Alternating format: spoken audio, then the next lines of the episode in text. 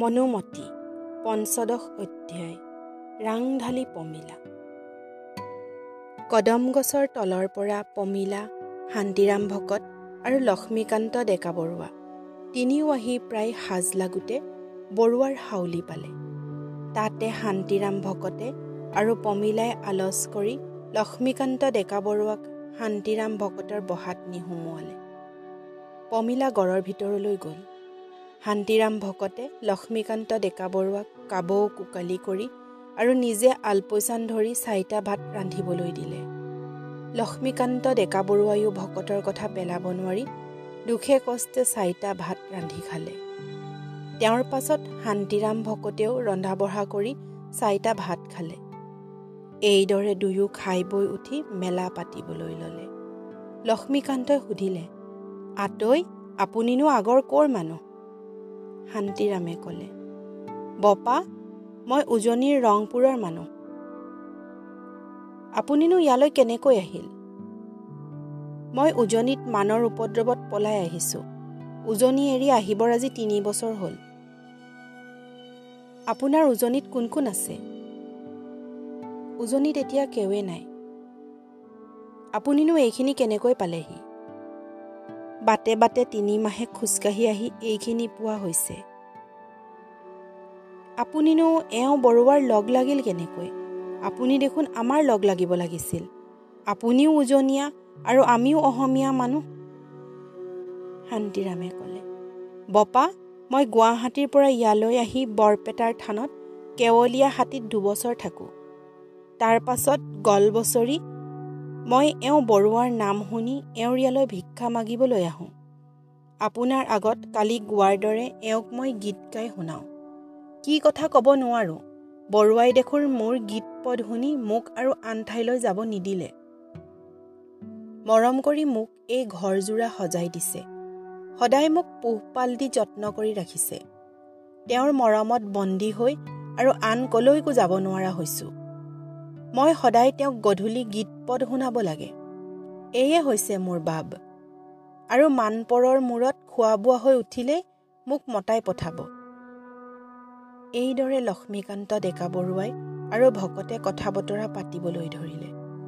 ইফালে পমিলাই ডেকা বৰুৱাক শান্তিৰাম ভকতৰ বহাত থৈ আহি গড় সোমাই মনুমতীৰ ঘৰলৈ গ'ল।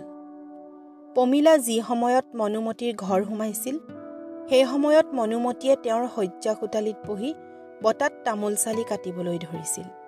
এনেতে পমিলা গৈ পালে। পমিলাক দেখিয়েই মনুমতীয়ে তামোল কাটিবলৈ খন্তেক পৰ এৰি সুধিলে সখী আহিলানে? দেখোন বৰ পলম কৰিলা। তুমি কি কৰা ক'ত ফুৰা তাক আৰু আমি বুজিবই নোৱাৰোঁ। পমিলা সখী বুজিব নোৱাৰিবাতো? সখী এটা কথা সুধোঁ ভাত হ'লনে? অনুমতীয়ে ক'লে। ভাত হৈছে কিন্তু দেউতাই গা ধোৱা নাই। পমিলাই ক'লে। সখী তুমি বহা তামোল কাটা। মই আই দেউতাৰ তাৰ পৰা আহোঁ। মনুমতী। তোমাৰ দেখোন ততেই নাই একো দেখোন কথা বতৰা নহ'লা। তুমি আজিকালি মোক ভাল নোপোৱা হ'বলা। সেই দেখিহে আমাৰ লগত কথা ক'বলৈ ঘিণ কৰা। মনুমতীৰ এই কথাত পমিলাই চেনেহ চকুৰে মনুমতীলৈ খন্তেক পৰ চাই তাৰ পাছত মনুমতীক আঁকোৱালি ধৰি চুমা এটি খাই ক'লে সখী তোমাৰ সৈতে মোৰ ভালেমান কথা বতৰা আছে। আমি খাই বৈ উঠি দুয়ো আজি ফুলনিলৈ জোৰ ল'বলৈ যাম দিয়া। তাতে জোৰো ল'ম আৰু কথা বতৰাও হ'ম এইদৰে মনুমতীক প্ৰবোধ দি পমিলা বৰুৱাৰ ঘৰৰ ফাললৈ গ'ল আৰু তাত বৰুৱানীক দেখা কৰি ৰান্ধনী ঘৰৰ ফাললৈ গৈ দেখিলে ভাত হৈছে বৰুৱাও গোসাঁই ঘৰত সোমাই নাম ল'বলৈ ধৰিছে। ইবিলাকে বেটি বান্ধি সকলোৱে খোৱা লোৱাৰ ঠাই অতোৱা ইত্যাদি কাৰবাৰত উখল মাখল লগাইছে। তেওঁ বৰুৱানীক ক'লে আইদেউতা মই অলপ আহোঁ। এই বুলি বিদায় লৈ গড়ৰ ভিতৰৰ পৰা ওলাই একেবেলিয়ে শান্তিৰাম ভকতৰ বহালৈ আহিল আৰু তাত শান্তিৰাম ভকতকে আৰু ডেকু ডেকা বৰুৱাকে বহি কথা বতৰা পাতি থকা লগ পালে। লগ পাই শান্তিৰাম ভকতক একাষৰীয়া কৰি মাতি নি কাণৰ কাষত অলপ কিবা কিবি কৈ লক্ষ্মীকান্ত বৰুৱাক ক'লে দেউতা মোৰ লগত আহক। সকাম আছে। লক্ষ্মীকান্তই পমিলাৰ এই কথাত একো উত্তৰ নিদি মন্ত্ৰমুগ্ধ এটি ভেড়াৰ দৰে পমিলাৰ পাছ ল'লে। পমিলাই তেওঁক এটি দুটিকৈ তিনিটি গড় পাৰ কৰাই নি মনুমতীৰ ফুলনিত সুমুৱালে আৰু ফুলনিখন দেখুৱাই শেষত নি জোৰ লোৱা ঘৰটোৰ পশ্চিমৰ খোটালিটোৰ ভিতৰত থকা শয্যাখনত বহুৱাই ক'লে দেউতা ইয়াত জোৰ লৈ বহি থাকক। সেইপিনে বতাতে তামোল আছে খাওক। ভাগৰ লাগিছে যদি শয্যাতে শুৱক। আজি নিশালৈ আপুনি নিৰ্বিঘ্ন মনেৰে এই ঘৰতে শুৱক। মই এতিয়া আহোঁ। এই বুলি লক্ষ্মীকান্তক সকলো যত্ন কৰি বহাই বুজাই থৈ পমিলা ঘৰলৈ আহিল। তেওঁ এইবাৰ ঘৰ পাই দেখিলে বৰুৱাৰ খোৱা শেষ হৈ গৈছে। আৰু বৰুৱা মেলচৰালৈ ওলাই গৈছে। তেতিয়া তেওঁ মনুমতী বৰুৱানী আটাইবিলাকেই খোৱা বোৱা কৰিলে আৰু আটাইবিলাকে তামোল চালি কাটিবলৈ ধৰিলে। পমিলাই ক'লে আইদেউতা আজি নিশাটো বৰ চিকন দেখিছেনে? পূৰ্ণিমাৰ জোনটো কেনে ফটফটীয়াকৈ জ্বলিছে? আইদেউতাই অনুমতি দিলে আজি সখী আৰু ময়ে আমাৰ ফুলনিত গৈ জোৰ ল'ব খোজোঁ। আইদেউতাই জোৰ ল'বলৈ নেযায়নে? পমিলাৰ এই কথাত বৰুৱানীয়ে ক'লে পমিলা তোমালোকে যোৱা। মোৰ আজি তিনিদিনমানৰ পৰা কি হৈছে ক'ব নোৱাৰোঁ। মোৰ দেখোন ভাত পানী খাবলৈ মন নাযায়। মাছ শাকত দেখোন গোন্ধ পাওঁ। মোৰ টোপনিও বৰ বেছি হৈছে। টোপনিতে দেখোন উচপ খাই উঠোঁ। পমিলা আইদেউতা ই একো নহয়। যাৰ কালটো গৈ জ আহিছে এই সময়ত প্ৰায় সকলোৰে এনেকুৱা হয়। নেদেখিছেনে? আমাৰ সখীও আজি কেইদিনমানৰ পৰা খাব বব নোৱাৰি শুকাই গৈছে। বৰুৱানী হ'ব পাৰে পমিলা। বাৰু তোমালোক যোৱা মই শুওঁগৈ। এই বুলি বৰুৱানী ল'ৰাই ছোৱালীয়ে শোৱা ঘৰলৈ গ'ল। পমিলা আৰু মনুমতী দুয়ো ফুলনিৰ ফাললৈ বাট ল'লে।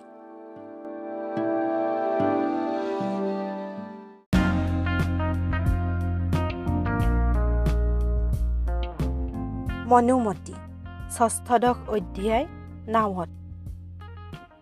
মানহঁত সেই নিশা চেঙা গাঁৱতে থাকি তাৰ পাছদিনা ৰাতিপুৱাই আকৌ নাৱত উঠি চাউল খোৱা নৈৰে ভটিয়াবলৈ ধৰিলে। মিংগী মাহাই হলকান্তক নাৱত তুলি ল'লে আৰু সুধিলে সখী এই নৈৰে আমিনো ক'ত উঠিম? হলকান্ত সখী এই নৈৰে গৈ আমি বৰপেটা পাম। মিংগী মাহা বৰপেটানো কিমান ডাঙৰ? তাতনো আমাৰে সৈতে কোনোবাই যুঁজ দিব পাৰিবনে? হলকান্ত। তাত তোমালোকৰ লগত যুঁজোতা কৈৱে নাই।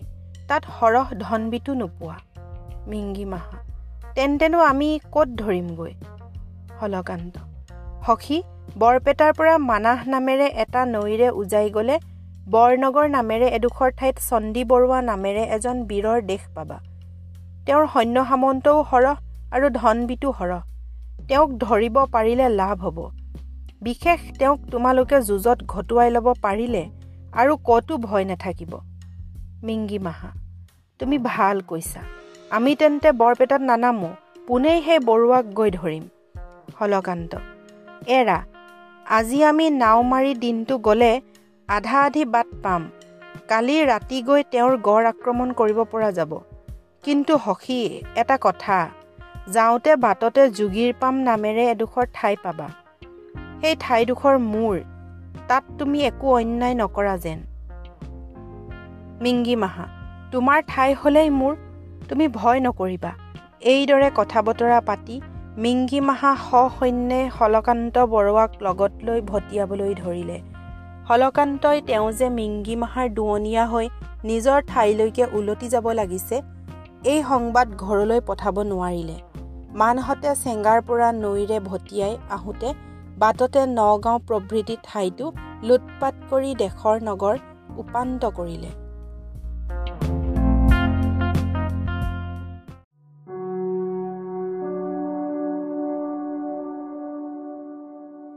মনুমতী সপ্তদশ অধ্যায় ডেকা গাভৰু। বৰনগৰীয়া বৰুৱানীৰ অনুমতি লৈ পমিলা মনুমতী দুয়ো হাতত ধৰা ধৰি কৰি ফুলনি পালেগৈ। তাত দুয়ো জোনৰ পোহৰত পুখুৰীটোৰ পাৰত বহি পুখুৰীৰ পানীলৈ নিৰ্মল আকাশলৈ আৰু ফুলগছবিলাকলৈ চাবলৈ ধৰিলে। এইদৰে কিছুমান পৰ দুয়ো প্ৰকৃতিৰ সৌন্দৰ্য উপভোগ কৰি মনুমতীয়ে মাত লগালে। সখী আজি ৰাতিটো কেনে চিকন? চোৱাচোন জোনবাইটি নীল আকাশখনত লক্ষ লক্ষ তৰাৰ মাজত কেনেকৈ জিলিকিব লাগিছে? সেই জোনৰ পোহৰত পুখুৰীৰ পানীবিলাক কেনে চিকন দেখা গৈছে? গছ লতাবিলাকে কেনে ৰূপোৱালী সাজেৰে সুশোভিত হৈছে? মোৰ এনেহে মন যায় মই যেন সদায় এনে সুখৰ ৰাতি দেখি থাকিম। পমিলা সখী এৰা মোৰো সদায় এনেকুৱা সুখৰ ৰাতি দেখি থাকিবলৈ ভাল লাগে। কিন্তু এনেকুৱা সুখৰ ৰাতি সদায় নাথাকে। আজি পূৰ্ণিমা কালিৰ পৰা জোনটি লাহে লাহে মাৰ যাবলৈ ধৰিব আৰু আউসীৰ দিনা একেবাৰে মাৰ যাব। তাৰ পাছত লাহে লাহে আকৌ বাঢ়ি যাব আকৌ পূৰ্ণিমা হ'ব। মনুমতী বাৰু এইটোনো কিয় হয় ক'ব পাৰানে? পমিলা এইটোৱেই নিয়ম জোনবাইটিয়ে হেনো এইদৰে বাঢ়ি টুটিয়ে সুখ পায়। মনুমতী তৰাবিলাকেনো কি সুখ পায়? পমিলা। তৰাবিলাকে হেনো নীল আকাশত বিশেষকৈ জোনৰ পোহৰত জিলিকিবলৈ সুখ পায়। মনুমতী ফুলবিলাকনো কি সুখ পায় যে এনেকৈ ফুলে? পমিলা ফুলবিলাকে হেনো এনেকৈ ফুলিয়েই তোমাক মোক ভাল লগাবলৈ তোমাক হেঁপাহ লগাবলৈ সুখ পায়। মনুমতী সখী বাৰু তুমিনো কি ভাল পোৱা? তোমাৰনো কিহত সুখ? পমিলা মই তোমাক ভাল পাওঁ। ফুল গছবিলাক ভাল পাওঁ। মাইকী মৌৰা এজনীৰ লগত মতা মৌৰা এটাক একেলগে থকা দেখিবলৈ ভাল পাওঁ। মনুমতী যোৱা সখী তোমাৰ কথাই এনেবিলাক। পমিলা এৰা সখী মোৰ সুখ এইবিলাকেই। বাৰু সখী তোমাক এটা বাতৰি দিওঁ। মই বঢ়িয়াকৈ জানি আহিলোঁ। ডেকা বৰুৱা তোমাৰ নিমিত্তে উত্ৰাবল। তোমাক নেপালে হেনো সংসাৰকে ত্যাগ কৰিব। মনুমতীয়ে তললৈ মূৰ কৰি ক'লে আমাৰ দেউতাৰে আৰু যোগীৰ পামৰ বৰুৱাই ভাল নহয়। পমিলা যদিও দুই বৰুৱাৰে মনোবাদ আছে তথাপি ডেকা বৰুৱাই হেনো তোমাকেহে বিয়া কৰাব তোমাক নেপালে হেনো বৈৰাগী হ'ব। পমিলাৰ এই কথাত মনুমতীয়ে তললৈ মূৰ কৰিলে একো উত্তৰ নিদিলে। পমিলাই তেতিয়া মনুমতীৰ সৈতে আন নানা তৰহৰ কথা বতৰা উলিয়াই বহাই বুজাই লাহে লাহে কৰি তেওঁক নি সেই জোৰ লোৱা ঘৰটোৰ পূবৰ খোটালিত বহুৱালে আৰু বহুৱাই থৈ কাণৰ কাষত কেতখিনি কথা ফুচ ফুচ কৰি ক'বলৈ ধৰিলে। তেওঁৰ সেই কথা শুনি মনুমতী উচপ খাই উঠি ক'লে সখী ব'লা ঘৰলৈ যাওঁ। পমিলাই ক'লে বাৰু যাম অলপ বহা। এই কথা কৈয়ে পমিলা ডেকা বৰুৱা থকা খোটালিটোলৈ গ'ল আৰু ডেকা বৰুৱাক ক'লে দেউতা আমাৰ খাওঁতে বওঁতে ভালেখিনি পলম হ'ল বেজাৰ পাইছে হ'বলা। লক্ষ্মীকান্তই ক'লে একো বেজাৰ পোৱা নাই মোৰ অলপ অলপ টোপনি ধৰিছে শুব খুজিছিলোঁ। পমিলা বাৰু শুব অলপ এইপিনে মোৰ লগত আহক। পমিলাৰ এই কথাত ডেকা বৰুৱা তেওঁৰ পাছে পাছে গ'ল। পমিলাই তেওঁক নি পূবৰ খোটালিটোত সুমুৱালে। তেওঁ খোটালিত সোমায়ে দেখিলে যে এখন শয্যাত এজনী গাভৰু মূৰে গায়ে কাপোৰ লৈ বহি আছে। ডেকা বৰুৱা বিমূৰ হ'ল। তেতুন পমিলাই ক'বলৈ ধৰিলে দেউতা খেন ভেনৰ শৰীৰ আজি আছোঁ কালি নাই মান হেনো অলপতে আহি পাব। কোন ক'ত মৰোঁ কোন ক'ত থাকোঁ ঠিকনা নাই। আপুনি আকাশলৈ চাই শপত কাঢ়িছে। আপুনি মোৰ সখীৰ বাদে আন কাকো ভাল নাপায়। সেই কথাকে মই বিশ্বাস কৰিছোঁ। আপুনি ধাৰ্মিক দেশৰ হিত চিন্তা কৰা আৰু পৰৰ উপকাৰী। মোৰ সখীও ডাঙৰৰ ঘৰৰ জীয়াৰী। ল'ৰা কালিৰে পৰা পিতৃ মাতৃবিহীনা। এই সখীক মই আজিৰ পৰা আপোনাৰ চৰণত সপিলোঁ। ভৱিষ্যতে যদি সকলো জীয়াই থাকোঁ আপুনি যেন এই মোৰ সখীক শাস্ত্ৰসন্মত মতে আমাৰ দেশৰ নিয়ম মতে বিয়া কৰায়। কিন্তু মই আজিয়ে আপোনাক গন্ধৰ্ব বিধিমতে সপি দিলোঁ। এই কেইষাৰ কথা কৈয়ে পমিলাই মনুমতীৰ মূৰৰ উৰণিখন গুচাই দিলে। উৰণি গুচোৱা মাত্ৰকে ডেকা বৰুৱাই এখনি অপৰূপীয়া মুখ দেখিলে। মনুমতীৰ সৌন্দৰ্যত তেওঁ বিভোৰ হ'ল। পমিলাই মনুমতীক ক'লে সখী আজিৰ পৰা তুমি এওঁৰ হলা। এওঁৱে তোমাৰ স্বামী হ'ল। তিৰোতাৰ হেনো স্বামীয়েই জপ। স্বামী সেৱাই তপ যজ্ঞ সকলো। আজিৰ পৰা তোমাৰ স্বামী সেৱাই ব্ৰত হ'ল। এই কেইষাৰ কথা কৈয়ে পমিলাই মনুমতী আৰু ডেকা বৰুৱাক একেলগে থৈ ঘৰৰ দুৱাৰখন মাৰি ওলাই আহি পুখুৰীৰ পাৰত ক্ষন্তেক পৰ বহিল। অৱশেষত ৰিহাৰ আচলেৰে চকু মচি আৰু দীঘলকৈ হুমুনিয়াহ এটা কাঢ়ি লাহে লাহে বৰুৱাৰ ঘৰৰ ফালে খোজ ল'লে।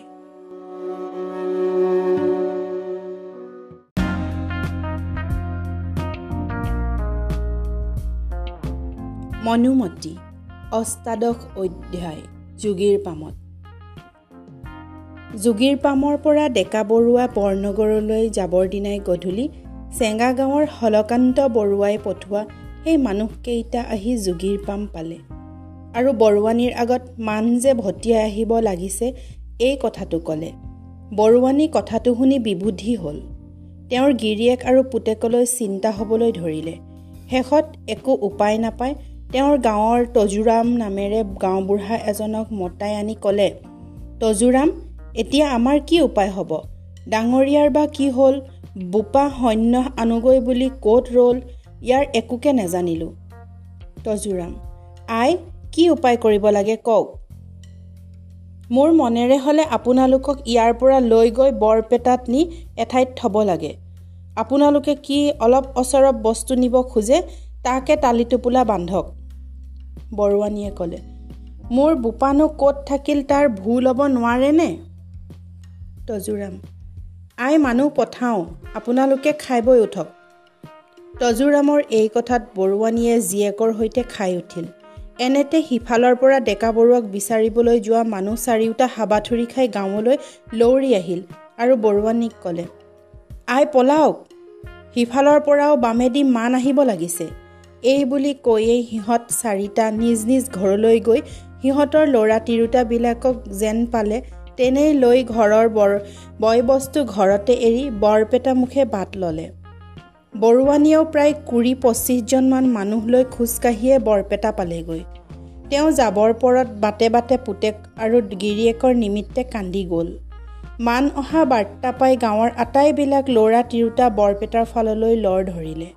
চাই থাকোঁতে তিনিডাৰমান সময়ৰ ভিতৰতেই যোগীৰ পামত এটিও মানুহ নোহোৱা হ'ল। বজালিৰ বাটেদি অহা মানজাক নিশা এপৰমান হোৱাত আহি যোগীৰ পাম পালে।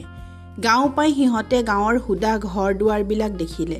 ৰাতি শোৱা দেখি সিহঁতে গাঁৱৰ সেই মানুহ নোহোৱা ঘৰবিলাকত সোমাল আৰু হাঁহি খিকিন্দালি কৰি য'তে যি খাবৰ বস্তু পালে সেইবিলাক লুটি পুতি খাই জুম বান্ধি সেই গাঁৱতেই থাকিল।